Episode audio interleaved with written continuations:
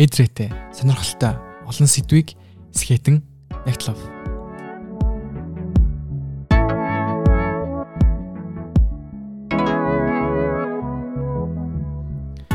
Сайн байцгаана уу сонсогчдоо. Манай скетэн медиагийн бэлтгэн өргөдөг нэгтлав подкастын season 2 эхлэхэд бэлэн болоод байна.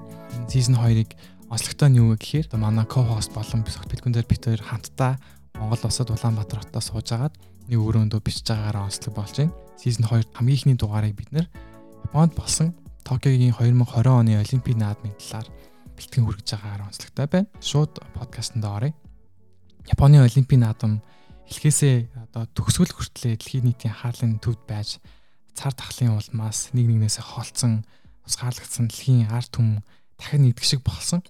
Цар тахлын улмаас нэг жил хойшлогдсон байсан Токиогийн Олимпийн нийлтийн ёслолын бамбрыг хасаах үйл ажиллагаанд дэлхийн түүхэнд анх удаага тамирчдаас гадна эрүүл мэндийн салбарын төлөөлөгч тэр тундаа совилагч эмхтэн бамбрыг асаасан ямар онцгой үед олимпийн наадмыг зохион байгуулж байгаа гэдгийг сануулгах шиг болсон. Тэгээ наадмын нээлтийн ёслолын үе Япон улс өөрсдийн өнөөгийн онцлог технологийн дэвшил яс уламжлал зэрэг бүгдийг нь шингээсэн гайхалтай нээлтийг үзүүлж чадсан нь нөгөөтэйгэр мөн даруухан хит нүсэр биш нээлтэх Япон улсын дэлхийн шилдэг эмхтэй теннисчин Наоми Осака олимпийн бамбрыг асааснаар энэ удаагийн олимпийн наадам эхлүүлсэн байгаа.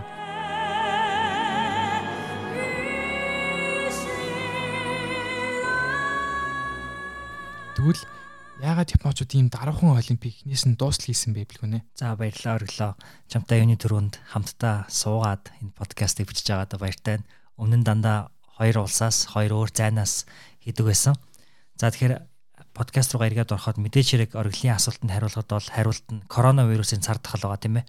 Тэгэхээр 2021 оны 5 дугаар сарын сүүлд хийгдсэн олон нийтийн санал асуулгаас үзэхэд Япончуудын 83% нь зуны олимпийн наадмыг зохион байгуулахыг бол эсэргүүцэж байсан. За дархлаажуулалтын буюу вакцинжуулалтын хурдан биш эхлэл, эрүүл мэндийн салбарын эрчимтэй нэмэгдэж буй ачаалал зэрэг нь олон нийт эрүүл мэндийн салбарыг тус дүгнэлт хүргэсэн байдаг. Өөрөөр хэлбэл Токиогийн наадмыг хүмүүс ард иргэдийнхаа амь насыг бодож болиот болиулаач гэж ард иргэд бол нийт иргэдийнх нь одоо 80 гаруй хувь нь бол шаардж исэн байна.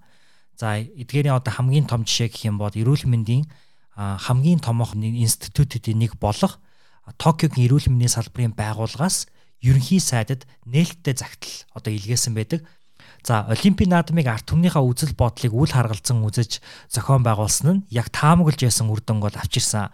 Хэдий Олимп үзэгчгүй болсон хэдиж Олимпийн наадам зохион байгуулагдсан хугацаанд нийт 178 мянган шинэ одоо коронавирусын тохиолдлууд бол тус улсад илрээд байгаа. Улмаар Япон улсад цар тахлаар өвчлсөн хүмүүсийн тоо 1 сая давж нас барсан иргэдийн тоо 10 мянгаар болсон. За хэдий энэ нь бусад хүнд цохилтонд орсон орнуудтай харьцуулбал бага тоо хэдий ч Япон шиг одоо хөгжил өндөртэй улс оронд эмнэлгүүд нь аль хэдийн дүүрч за дээрэс нь иргэдийн ердөөсө 25хан хувь нь дархлаажуулагдсан буюу вакцин хийлгүүлсэн байгаа тул цаашдаа яг энэ ирчээрээ энэ тохиолдлууд нэмэгдээд байх юм бол цар тахлаас болж нас барах иргэдийн тоо ноцтой хэмжээгээр нэмэгдэх аюултай байна гэж эрдэмтэд бол одоогор үзэж байгаа юм байна. За энэ тоо дэлхийд даяар хурдцтай тархаж байгаа коронавирусын дельта хувилбараас үүдээд бүр улам одоо нэмэгдэх үүнийх нь гаргах үр нөлөө нь илүү аюултай байх нь бол дамжиггүй. А Япон улсын албаны хүмүүсийн мэдээлж байгаагаар Токио 2020 Олимпийн наадмыг зохион байгуулах зардал анх тооцоолсон 7.4 тэрбум биш 15.4 тэрбум ам доллар болсон байгаа. Аудитын байгууллагуудын үзэж байгаагаар яг үнэндээ энэ тооцооллоос анхны тооцооллоос 3 дахин их буюу 20 орчим тэрбум доллар бол болсон гэж бол үзэж байгаа. За энэ их зардлын ихэнх нь спортын арга хэмжээ болох барилга байгууламжийг шинээр барих эсвэл засан засан сайжруулахад бол зарцуулагдсан. Жишээ нь шинээр барьсан 8 ордныг барихад нийтдээ 3 тэрбум орчим доллар зарцуулагдсан байт юм байна. Үүнд 68 мянган суудалтай шинэ стадион багтж байгаа. За мөн Олимпийн наадмыг нэг жилээр хойшлуулсантай холбоотой нэмэлт 2.8 тэрбум долларын бол зардал гарсан. Тэгэхээр энэ бүх зардлыг бол Японы одоо татвар төлөгчид төлж байгаа гэдэг нь одоо зөвхөн Олимпийг яг энэ цар тахалтай үед зохион байгуулад ард иргэдийн амь насанд аюул учруулж байгаас гадна эдийн засаг дээр маш их одоо хүндрэл учруулсан гэж үзэж байгаа гэж хэлэхэд болно. Сүүлийн 2 олимп болох Рио болон Лондонгийн олимпийн тус тус 13.7 тэрбум болон 15 тэрбум ам долларын зардалтай болж байсан. Үзэгчгүй олимп болох Токиотой адилхан түвшний хэмжээний зардал гарсан байгаа. 1960 оны Роми Олимпийн наадмаас хойш бүх олимпийн наадмуудын урьдчилан таамагаас давсан зардалтай болсоор ирсэн. Учир нь яагаад вэ гэхээр бүхий л бизнес шийдвэрүүд олон улсын олимпийн хороо болон бусад амжилтын байгууллагууд гаргадаг тул зардлыг танах бол боломжгүй байдаг. Эндээс бид ашиг сонирхлын төрөлтөөнийг бол харж олдог. А мөн эсэргээрээ орлогын хувьд мэдээж үдгчгүй явагдсан гэдэг утгаараа анх тооцоолсон ашгийг олимпийн зохион байгуулалтаас бол их боломжгүй болсон байгаа л да. Иймд ихэнх ашгийг телевизийн гэрээ болон бусад зар туршлагаанаас олохоос өөр арга бол байгаагүй. Харин уг үйл явдлыг өөдрөгөр харж байгаа хэсэг хүмүүсийн үдж байгаагаар урт хугацаанд олимпийн наадам зартлаа нөх хэмжээний ашгийг ирээдүйд Япон улс олноо. Олохдоо эрх жуучид болон Япон улсыг олимпийн наадмын зохион байгуулсан нэр хүн дээрээ дамжуулж олно гэж үзэж байгаа юм байна. Энэ удаагийн олимпийн наадам түүхэндх тодоор тэмдэглэн үлдэж байгаа. Учир нь 1896 оноос хойш хамгийн анх Грекийн Афинд олимпийн наадам зохиогсныг эхлээд ердөө 3 удаа 1916, 1940 болон 1944 онуудад дэлхийн 1 2 дугаар дайны улмаас цусдагдж байсан. Харин 2020 онд түүхэндээ анх удаа дэлхийн нийтийг хамарсан коронавирусын цар тахлаас болж нэг жилээр хойшлогдсон одоо анх удаага хойшлогдсон олимпик тэмдэглэн үлдэж байгаа. Энэ удаагийн олимпийн наадам мөн өмнөх наадмуудын адил цуслагдах боломжтой байсан хэдий ч Япон улсын зохион байгуулагч Төгөн наадмыг зохион байгуулахыг үнэхээр их хүссэн нь бол яг ил байсан л та. Олимпийн наадмыг дэлхийн нийтийн инх тайвны хамгийн том бэлэг тэмдэг гэж үздэг. Тэр ч утгаараа энэ удаагийн наадмыг цуцлалгүйгээр зохион байгуулах хүндхэн ажил бол Япон улсад оногдсон.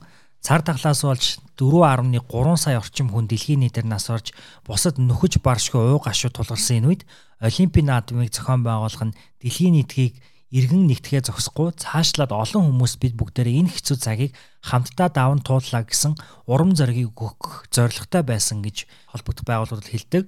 Гэвч өмнө нь дурдсанаар Япон улсын иргэд засгийн газрын энэ шийдвэр нь олон шалтгаанаар таалагдаагүй зохион байгуулалтын хувьд мэдээж маш өндөр түвшин зохион байгуулагдаж аргагүй л Япон тулдаа зохион байгуулаа гэж хэлэх хүн бол олон байсан. Олимпийн наадамд дэлхийн өнцөг болон бүрээс бараг бүх улсын баг тамирчид ирж оролцож байгаа учраас энэ арга хэмжээ дэлхийн хамгийн том super spreader event буюу цар тахлыг цаашид улам тараах хамгийн том аюулыг бол дагуулсан. Тэр ч тухаараа Олимпиад оролцсон олон тамирчид тамирчдын хотгоноос цаашаа гарах боломжгүй, бусад орны тамирчтай уулзах боломж хомс гэх мэт олон шалтгаан шалтгаанаар ганцаардмал тэмцээн болсон гэж хэлж байсан. Мөн олон тамирчдын хувьд бүтэн жилийн хугацаанд гэртээ бэлтгэл хийсэн, цаашлаа зарим тамирчид бэлтгэл тасалдсан учраас нэг талаараа энэ удаагийн наадамд оролцох нь өөрсдөө ялан дийлж буй үйл явдал бол болсон гэж хэлж болно. Гисэн хэдий ч спортын маш олон төрөлд түүхэнд байгаагүй олон рекорд, дээд амжилтууд эвдэгдэж нийт 20 рекорд эвдэгдсэн наадам болж өнгөрлөө. За ориглооч бид бүхэнд энэ олимпийн наадмын сонирхолтой тоо баримтуудыг хуваалцаач. За тэгээ медалийн хувьд Америкийн нэгдсэн улс медалийн чанараараа болон тоогоороо нийт 39 алт 41 мөнгө 33 хүрэл буюу нийт 113 багц медаль авснараа Хятад улсыг гүйцэж нэгдүгээр байранд орсон. Энэ үйл явдал нь одоо өрнөж байгаа Америкийн нэгдсэн улс болон Хятад улсын хоорондох хин хамгийн хүчрхэг гүрэмбэ гэсэн улс төрийн болон эдийн засгийн өрсөлдөөнд маш чухал үүрэгтэй гэж хэлж олно. Япон улсын хувьд зохион байгуулагч гэд орныхоо хувьд 3 дугаар байранд орсон нь маш өндөр амжилтыг үзүүлсэн. Өмнө нь бол Орос улс дандаа 3 дугаар байранд хийхдээ ордог байсан бол энэ жил Япон улс 3 дугаар байранд орсон орсон байна. За харин манай Монгол улсын хувьд нэг мөнгө 3 хүрэл гэсэн чанараар 1968 оны Мексикийн Мексик хотын олимпиад үзүүлсэн амжилттай жил чамлахааргүй амжилтыг манай баг тамирчид үзүүлсэн. Токио 2020 оны олимпийн наадмын онцлог нь шинээр нэмэгдсэн спортын төрлүүдтэй холбоотой. Энэ удаад спорт авиралд скейтборд, серфинг, карате мөн манай улсын анх удаага багийн спорт төрөд оролцсон. Сагсан бөмбөгийн 3-9-3-ын төрөл бол байсан. Тэгээд скейтбордыг онцлох юм бол дандаа 13 14 настай жоохон хүүхдүүд олимпийн наадмын алтан медаль, мөнгөн медалийг авсан тийм амжилт үзүүлсэн байна. За олимпийн наадмыг бас тоогоор харах юм бол сонирхолтой харагдаж байгаа. Нийт 205 орны олимпийн хороо болон дээрэд нэмэгдээд дөрвөстийн баг оролцсон. Мөн 42 цэнгдэг барилга байгууламж ажилласан. 33 спортын төрлийн дотроос халаад 50 спортын төрөл олимпийн наадамд орсон. Мөн нийт 339 медаль одоо олимпийн наадамд тараагдсан. Энэ хүн медалуудад бас онцлогтой байна хаягдал уцсны металлаар хийсэн гэдгээрээ маш онцгой болж байгаа. Энэ нь юу гэхээр одоо дэлхийн цаг уурын өөрчлөлтөд холбоод хүм төрлөختөн бас олимпийн наадмыг арай илүү байгаль орчинд ээлтэйгээр хийж болдгиймаа гэдгийг бас харуулсан үйл явдал болсон гэж үзэж байгаа. А мөн Олимпийн наадмын баг тамирчид унтах орыг цаасан ороор дахин боловсруулах боломжтой ороор хийснээрээ бас энийг харуулж байгаа харуулсан байгаа. А мөн нийтдээ 11 мянга орчим тамирчид өнөхөн Олимпийн наадамд оролцсон байна. За тэгэхээр ирээдүй юу вэ? Дараагийн 2024 оны Олимп 3 жилийн дараа Францын нийслэл Парис хотод зохион байгуулагдана. Харин 2028 онд Олимп Америк твд иргэн очиж Америк нэгдсэн улсын баруун иргэн Лос Анжелес хотод 1984 оноос хойш дахин нэг удаа зохион байгуулагдах юм байна. Харин хэдхэн сарын дараа буюу 2022 оны 2 дугаар сард Хятадын нийслэл Бээжин хотод өвлийн 14 дахь олимп болохоор байна. За энэ олимп нь анхнаасаа л маш олон маргааныг дагуулж байгаагаар онцлогтой. Энэ нь юу вэ гэхээр Хятадын нийслэл Бээжин хот Казахстаны Алматы хоттой өрсөлдөж зохион байгуулах эрхийг бол авснаар энэ бүх маргаан энэ бүх сэдв ерөнхийдөө бол эхлээд байгаа. Бээжин.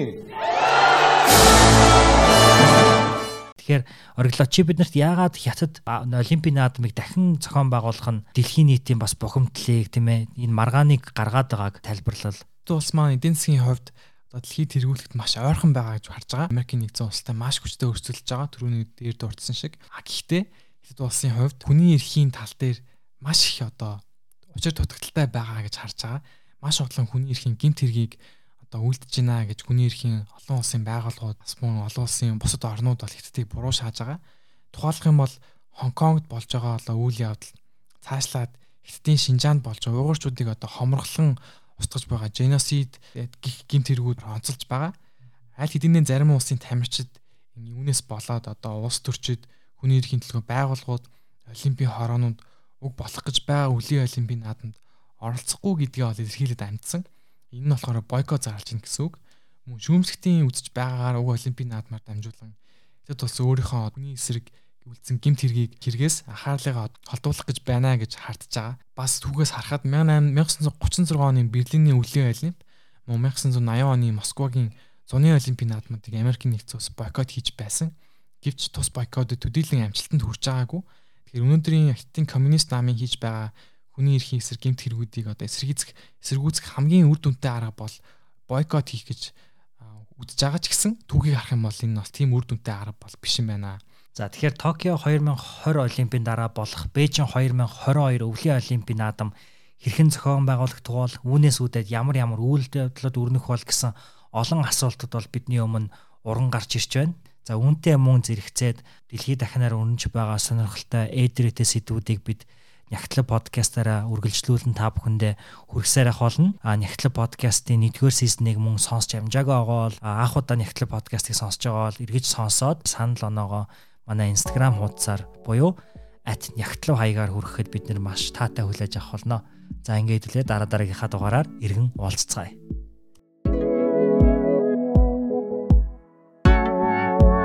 Та Сэхэт медиагийн Нягтлав подкастыг хүлээн авч сонслоо. Энэ дугаарын мэдээг хөтлөгч Бэлгүн оргил нар нягтлж саунд инженер дээр буяа ажиллав.